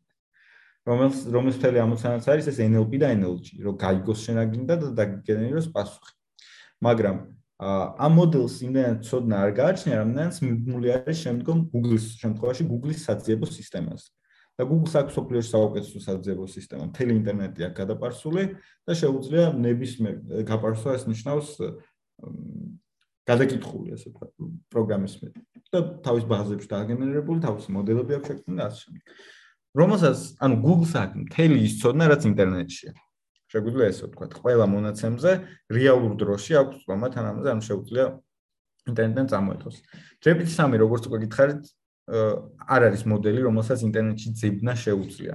მაგრამ მასში გადატრენინგებისას არის ძალიან ბევრი ინფორმაცია უკვე ჩატვირთ. უბრალოდ აი რაღაც რო კითხვა, ეხა მაგალითად როგორი ამინდი არის, ვერ გეტყვის, იმიტომ რომ აზე არ არის, იმიტომ რომ ოთახში გამოკეტილი კაცი არის, რომელსაც აი რაღაც მასში ტურში რო ჩააგდო და რაღაც წერილი რო ჩააგდო და პასუხი ამოგიგდოს, ეგეთი ვარიანტია სინამდვილეში. რა წარმოდგენა არ აქვს არაფერზე გარის სამყაროში რა როგორ მუშაობს. არც ის როგორი ამინდი არის, ვერ გეტყვის, ახლომახლო აა რა ფილმი გადის ვერ გეტყვის ვინ არის ეხლა ის რა ქვია ამერიკის პრეზიდენტი, იმიტომ რომ ამ ინფორმაციებზე არ აქვს თქმა Google-ისგან განსხვავება. მი ChatGPT-ს ის ძალიან კარგად შენ კითხავს როგორ უპასუხოს იმ ინფორმაციით, რაც მას გააჩნია, რაც მას გააჩნია. სამისად მე უფრო როგორ ხედავ, იცი რომ ეს არის უნიშნულოვანესი კომპონენტი human computer ადამიანის და კომპიუტერის ინტერაქცია, რა ვიცი, რამდენიმე გარდატეხა მოხდა, ხო? ქონდა ყველაზე პრაქტიკული რაც ხო კლავიატურა და მაუსი და ხალხი ფიქრობდა ამაზე ოპტიმალური არ შეიძლება მოვიფიქრო, მაგრამ აა გაჩნდნენ smartphone-ები, Apple-ის, რა ქვია, iPhone-მა რევოლუცია მოახდინა კიდევ ერთხელ და მე ისე ვებსმაც სადა ეს ხმოვანი ამბავით, რომელიც ვერ მივიდა, იმიტომ რომ ტექნოლოგია არ არის, მაგრამ რაღაც მომენტში მივალთ იქამდე, რომ შენ შეძლებ, შენ გამოთვლით, შენ კომპიუტერს, რომელიც ამ ფორმით დარწმუნებული ვარ, საერთოდ ახარ იქნება, ან დიდი ფიზიკური დევაისების, ნოუთბუქების და რაღაცების დარბა საერთოდ არ დაგჭირდება, ისაუბრო ადამიანურ ენაზე. ამას ხედავ, რომ არის შემდეგი ნაბიჯი, როდესაც მას ადამიანის ბუნებრივ ენაზე დაწერილი ტექსტი, ანუ შეუძლია რომ გაიაზროს და დაგიბრუნოს პასუხი. თუმცა იმისთვის რომ ეს პასუხი ნებისმიერ შენკითხვას პასუხობდეს, მაინც გჭირდება Google-ისნაირი საძიებო სისტემა, ხო? ამიტომ რასაკვირველია ChatGPT-მ შეგვიძლია ვთქვათ, რომ conversational ამოცანაში Google-ს საკმაოდ აჯობა, მაგრამ Google-ი რამოდენიმე წელი კიდევ არის უსაფრთხოდ და ალბათ სულ იქნება, იმიტომ რომ მისი ძირითადი პროფილი არის უსარ ყოფილა მოსაუბრე AI-ების შექმნა. მისი თავარი ამოცანა ყოველთვის იყო, რომ სოფლიოში იყოს საუკეთესო საძიებო სისტემა და ამას ახერხებს. საძიებო სისტემა რომელიც ინტერაქციულია ხო და საძიებო სისტემა რომელიც ინტერაქციული აქვს შეიძლება წარმოიდგინო რომ არის კოლაბორაცია ChatGPT-ის პროდუქტის და იმის რა ქვია Google-ის პროდუქტის. ხტები ანუ ერთმანეთის რა ქვია მაგას complementary ანუ დამხმარე ტექნოლოგიები უფრო არის ერთ მეორეს ვერ გინაცვლობს მაგის თქმით და რა ანუ ერთით მეორის შედეგებს ვერ იღებ და პირიქით მაგრამ არის გარკვეული ამოცანები რომელსაც ჩვენ ვაკეთებთ Google-ის გამოყენებით და მაგ ამოცანებს ანუ იყოფენ ამოცანებს. გარკვეული ამოცანებს რომელსაც აქამდე მხოლოდ Google-ით შევძლებთ რომ გავაკეთებინა ეხლა GPT-ით გავაკეთებ და მე ხშირად ვაკეთებ როგორც გითხარი. აქამდე თუ search-ავდი შაბლონს მაგალითად როგორ მივწერო თანამშრომელს მადლობის წერილი რაღაც დახმარებისთვის ეხლა GPT-ს ვაკითხები რომ ესეთი რაღაც მოხდა რობითად და დამწერე მადლობის მარტივი წერილი. ანუ შეიცვალა ფორმა, რომელთაც ვიყენებ და რასაკურველია შემცირდება ალბათ Google-ის გამოყენება generic კითხვებზე რა, რომ აი როგორ გავაკეთო მაგალითად carbonara Google-ში აღარ დამჭირდება რომ დავწერო, იმიტომ რომ ChatGPT-ს შემიძლია ვკითხო და ნაბიჯ-ნაბიჯ მეტყვი. ზუსტად, ზუსტად. დაჟე, ყველაზე მნიშვნელოვანი რა არის, რომ ჩვენ კონტექსტს მიმახსოვრებთ, ხო, ChatGPT-ის შემთხვევაში. შესაბამისად, შემიძლია ვკითხო, რომ აუ, აი ეს არ მაქვს მაგალითად, არ ვიცი. რა ვთქვა პისტაჩიო ქვია ხო პისტაჩიო არ მაქვს პირობითად არ ვიცი კარბონაში გამეყერება თუ არა მაგალითად ის მაქვს და მოდი გადამწერე რეცეპტი ამ რა ქვია ინგრედიენტი და დაგენერირებს ახალ ინგრედიენტს. და ბევრად უფრო ინტერაქციული არის. ან კლევით საქმეში, კრეატიულ საქმეში, ეს ურთიერთობაში ბევრად უფრო კარგი იქნება და ამ როლს GPT-3 შეინაცვლობს და წაართმევს მაგხრო რასაკურველია Google-ს მომხმარებლებს. მაგრამ კიდევ ერთხელ მე რომ Google ძალიან დიდი ორგანიზაცია, რომელიც ძალიან ბევრ სხვადასხვა რამეს აკეთებს და მე ხედავ იმისა, რომ გარკვეული მიმართულებით დაკარგავს მომხმარებლებს, ბაზიდან გასვლა რაღაც ჩანაცვლება ეგეთი, ну, ჩემი განმოსახედიდან არ ემუქრება, მაგრამ სამწუხაროდ მე პროგრამული ინჟინერიის მიმართულებით მაქვს ყველაზე დიდი ცოდნა და ეს რაღაც ისეთი სერიოზულ პროგნოზად არ მგონია რა შეგვიძლია ჩავთვალოთ ეს არის უბრალოდ თქვენი იმით რა ვქეთ ცოდნით ახლა რასაც უყურებ რა შეიძლება ერთ წელიწადში ბრახტა უცებ რადიკალურად შეიცვალოს თავისი მას შექმნის ბოლო-ბოლო ხა ის სოციალურ ქსელებში ასაც ხედავთ Facebook-ი რატომაც Google-მა არ შექმნა თავისი conversational AI ზუსტად იმიტომ რომ შექმნეს OpenAI იმიტომ რომ Google-ს რო Google-ი შექმნის თქო თავის conversation-ს და ვერ შექმნეს იმიტომ რომ მიუხედავად იმისა რომ ტექნოლოგიები წლების წინ ბევრად უფრო წინ იყო და ადრე იყო ან მას უნდა მთელი ამ რესურსების მობილიზება გაეკეთებინა თავის დროზე, ანუ მილიარდობით ინვესტიციის უკვე არსებული კომპანია არის ეს მის Google, რომელიც რაღაცა მიმართულებით მიდის და მთელ ბიუჯეტს მანდებს. მას რო გამოიყო კომპიუტერული რესურსები ამ მოდელის გასატრენინგებლად და მე ამისთვის სერვირებისთვის, გარკვეულ დათმობებზე წასვლა მოუწევდა. ან მე როდესაც Google-ში ვწერ search-ს, შეიძლება დააკვირდეთ რა, რომ რამდენიმე წამში მილიონობით შედეგი მიგენერირდება. GPT-3-ს როდესაც ვეკითხები, ერთ წუთამდე ჭირდება, რომ შედეგი დამიგენერიროს რა. და ამ წარმოიდგინე, რამდენად უფრო ძიმე ტექნოლოგია არის. და Google-ს რომ აქეთკენ გადაემართა თავის კომპიუტერული რესურსები, ძალიან ბევრი ადამიანი რომელიც Google-ავს და ძალიან ბევრი რობოტი ან პროგრამა რომელიც Google-ს იყენებს, ჩვენ Google-ის მომხმარებლები წარმოგიდგენია ხოლმე ადამიანები მხოლოდ რა, მაგრამ ძალიან ბევრი პროგრამა იყენებს და ძალიან ბევრი სერვისი იყენებს Google-ს იმისთვის, რომ გამართულად იმუშაოს Google-ის API-ს, სხვა სხვა API-ს და სისტემებს. სამისად ან როგორც მაგრამ უკვე OpenAI საიდანაც აიღო ხო ეს ინვესტიციები და იპოვა რასაკურველი კომპიუტერული რესურსი იგივეს გაკეთება შეეძლებოდა, მაგრამ ბევრად რთული არის ერთი კომპანიისთვის მსგავსი რაღაცის გაკეთება, ვიდრე OpenAI, რომელიც მთლიანად ფოკუსირებული იყო ამ მცანას. ისე როგორც OpenAI ვერასდროს ვერ შექმნის ამ მიდგომით საუკეთესო საძებო სისტემას იმისთვის, რომ ჩაანაცვლოს Google. მაგის თქმა ანუ აბსოლუტურად სხვა მიმართულებები არის რა. ну ვერასდროს სუდი სიტყვა იყო ვერასდროს არა მაგრამ ყოველ შემთხვევაში მანამ სანამ ეს არის ძიმე ძვირი და რთული ტექნოლოგიები რომელსაც ესე გარაჟიდან ვერ დავიწყებ მაგალითად ერთმანეთის ჩანაცვლება არ ემუქრება. ნუ პრიორიტეტებზეა რა ვთქვა, ანუ რა იმის პრიორიტეტი ეს არის, ამის პრიორიტეტი ეს ერთი შესაბამისად რთულია, თუ შენ პრიორიტეტი ის არის, სხვა რაღაც შეაჯობა იმას, ვისთვისაც პრიორიტეტი ის არის, ხო? დაახლოებით. კი ბატონო. ხო, არ ვიცი, არ ვიცი, ალბათ შეგვიძლია ნელ-ნელა, ხო, რაღაც დასასრულისკენ წავიდეთ და შეგვიძლია ალბათ შევაჯამოთ კიდევაც ეს თემა. და რავი, შეჯამება ალბათ იმისკენ მიგვიყვანს, რომ რას ჩვენ ამბობდი, ხო, რომ ერთია რაღაცის გეშინოდეს, აი მაგალითად ხელოვნებზე რო ამბობდი და მეორეა ის რეალობა, რაც პირდაპირ მნიშვნელობით ხო უკვე იცვლებოდა და შეიცვალა და ამან ადამიანები ესე ვთქვათ სამსახურის გარშე დატოვა, არასწორად თქვა, რომ ახალი სამსახურები გაჩნდა და უფრო ისეთი სამსახურებიც გაჩნდა, რომელიც ნაკლებად შედარებით, ნაკლებად რუტინულია და ნაკლებად ითხოვს ფიზიკურ შრომას, ხო? ხა ადრე უფრო ადამიანი ტექნოლოგიების გაჩენა იქნება რომ ბოდიში რა გაწყვეტინა ამას თქვენ და სამართლიანი იქნება რომ დავუცინოთ რომ ვიღაც იტყვის რომ აი Apple-ის სკანდალი რაც იყო რომ ჩინეთში რომ ბავშვებს ამუშავებდნენ აბა მაგ ტექნოლოგიის შესაქმნელად და ძალიან მნიშვნელოვანია წარმოვიდგინოთ რა ხდებოდა სანამ გარკვეულ ნაწილს შავს ამუშავოს მაინც არ შეითავსებდა ის დანადგარები რომლებიც ახლა აკეთებენ მაგას ხო ანუ ჩანაცვლა გარკვეულ რუტინული სამუშაო და მიუხედავად იმისა რომ კონკრეტული სამუშაო ადგილები გააქრო იმაზე დავფიქრეთ რომ გასაქრობი ხო არ იყო კონკრეტული სამუშაო ადგილები იმიტომ რომ გლობალურ ასპექტზე ინდუსტრიული რევოლუციის მერე სამუშაოები გაასმაგდა რაოდენობა ანუ იმ კონკრეტული რაღაცაობის სამუშაოების გამკეთებლები კი დაჩნენ მუშავრები, მაგრამ უფრო სუბუქი და უფრო ესეთი არ ვიცი უფრო მეტი სამუშაო ადგილი გაჩნდა მოკლედ მაგის კომენტ. ბოდიში უბრალოდ ამის დამატება მინდოდა. ხო. არა, არა, მესმის, კი, კი, ნამდვილად და აა მოკლედ რა ვიცი, მეც ძალიან ოპტიმისტურად უყურებ ეს რაღაცებს ზოგადად ყოველთვის. იმიტომ რომ მგონია რომ საბოლოოდ ეს ყველაფერი ცხოვრების გამარტივებისთვის არის და არა გართულებისკენ რა. ასე ასე ვფიქრობ ყოველ შემთხვევაში და ну რა გამოცდილება მე გვაჩვენა ხო რა ვიცი გახსენდება შენ ტექნოლოგიები რომლებმაც ცხოვრება გაგვირთულა არ ვიცი ო აა ვირტუალურ აი მაგაზე მე შენ გეტყოდი რომ საერთოდ არ გაგვირთულა თქო პირიქით? ხო პირიქით პრინციპში მშვიდობა უფრო არ მგონია რა თქმა უნდა რა თქმა უნდა ანუ ჩვენ მინიმუმ ეხა ვისაუბრებდით მეხუთე მსოფლიო ომი მოხდება თუ არაო რო არ იყოს ატომური ბომბა მინიმუმ. იმიტომ რომ CVOM-ი მით უმეტეს მეორე მსოფლიო ომი ისეთ წერტილზე დასრულდა აქეთ საბჭოთა კავშირი აქეთ ამერიკა რომ მაგათ ატომური ბომბის თემა რო არ ქონოდათ 5 ორ წელიწადში რა ვიცი ისევ დასხოვდნენ ერთმანეთს და CVOM-ი არ იქნებოდა CVOM-ი და იქნებოდა ძალიან ცხელი ომი და ასე რომ გაყინა გაყინა ატომურმა შეერღებამ არის თუ საბოლოოდ კი განსაკუთრებული პროცესი არის ეგ რა. კი ბატონო. მე უბრალოდ ხანდახან ერთი იმის მეშინია ხოლმე რომ რა ისევ ადამიანების მოკლედ რა რომელიც მაგ ტექნოლოგიას ამთავრებს მაგრამ რაღაცნაირად მაინც ვახერხებთ ეს ადამიანები რომ ვაბალანსებთ ერთმანეთს რა. ძალიან სულ ტიპი რო იჩნდება მე ვიღაცა მაგას საბალანსო ხო? ნუ აქამდე მოვედი.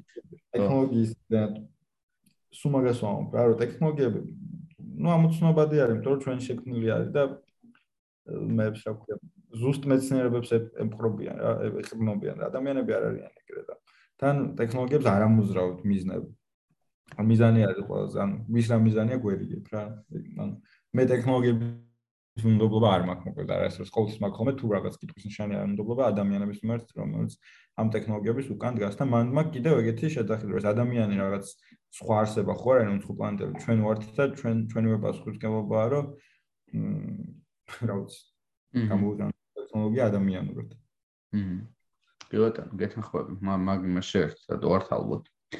აა, მოკლედ კიდევ ერთხელ დიდი მადლობა. ძალიან კაი იყო შენ თენთან საუბარი, რაღაც პოდკასტებიც, ლაივიც. ხო და ჰმ. რაღაც უფრო მასშტაბური ზონა გადავიდეთ, რამე მოვიფიქროთ რა, რაღაც. გაუცდეთ. ვირტუალური რეალობი მომენტი ხო ანუ იდეაში ახლა ლაივი გაკეთებული გვაქვს პოდკასტებში ნამყოფიერ და გადაცემაშიც ტელევიზიაში ერთად ნამყოფიერ შეგვიძლია თქვა და სხვა შორის სცენარისტი შეგვიძლია თქვა რომ ჩატბოტებზეც ერთად მუშაობდით და ამ ხრევადაც რაღაცა ყვეთა გვაქვს მე და შენ და ხო ამ დღეებში მოვიფიქროთ შემდეგი რა იყოს ახალი წელი მოდის და შემდეგი წლისთვის რაღაც ეს მოვიფიქროთ რა ახალი მედიუმი რაზეც მე მიმშავ ხო მართლა ეს გონი ახალ წლამდე გავა ხო? კი კი აუცილებლად აუცილებლად წარმატებულ ბედნიერს საინტერესო ახალ წელს 2023-ს გისურვებთ ტექნოლოგიური განვითარებით ნაჯერს რაც ჰორიზონტზე ჩანს იმიტომ რომ წელს ბუმი იყო ესეთი არ ვიცი ან კომპიუტერული მეცნიერების მიმართულებით წელს რაც მოხდა დიდი ხანი ეგეთ. ერთ მას მიუყვები რა ქვია მანქანური სწავლების ინჟინერს მიყვები LinkedIn-ზე და მაგან დაწერა რომ ანუ ორი დღით წავედი ოჯახთან დასასვენებლად და ახლიდან მაქვს თელი მიმართულება სასწავლებლო ეს დაემთხვა იმას. JPT-ს ChatGPT-ს გამოსვლას და მაგ დღეს თან ახალი დიფუზური მოდული მოდელი გამოვიდა და გაგიჟებული იყო რა. ან დაბათ ვითარდება და საინტერესო სწორი გოლდება მოკლედ მომავალს და ხშირად შეგაწუხებთ ესეთი საინტერესო ინფორმაციებით. შემდეგ წლიდან.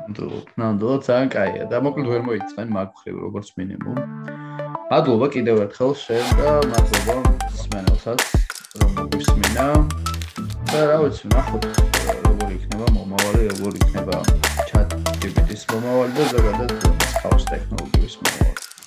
მადლობა და დროებით.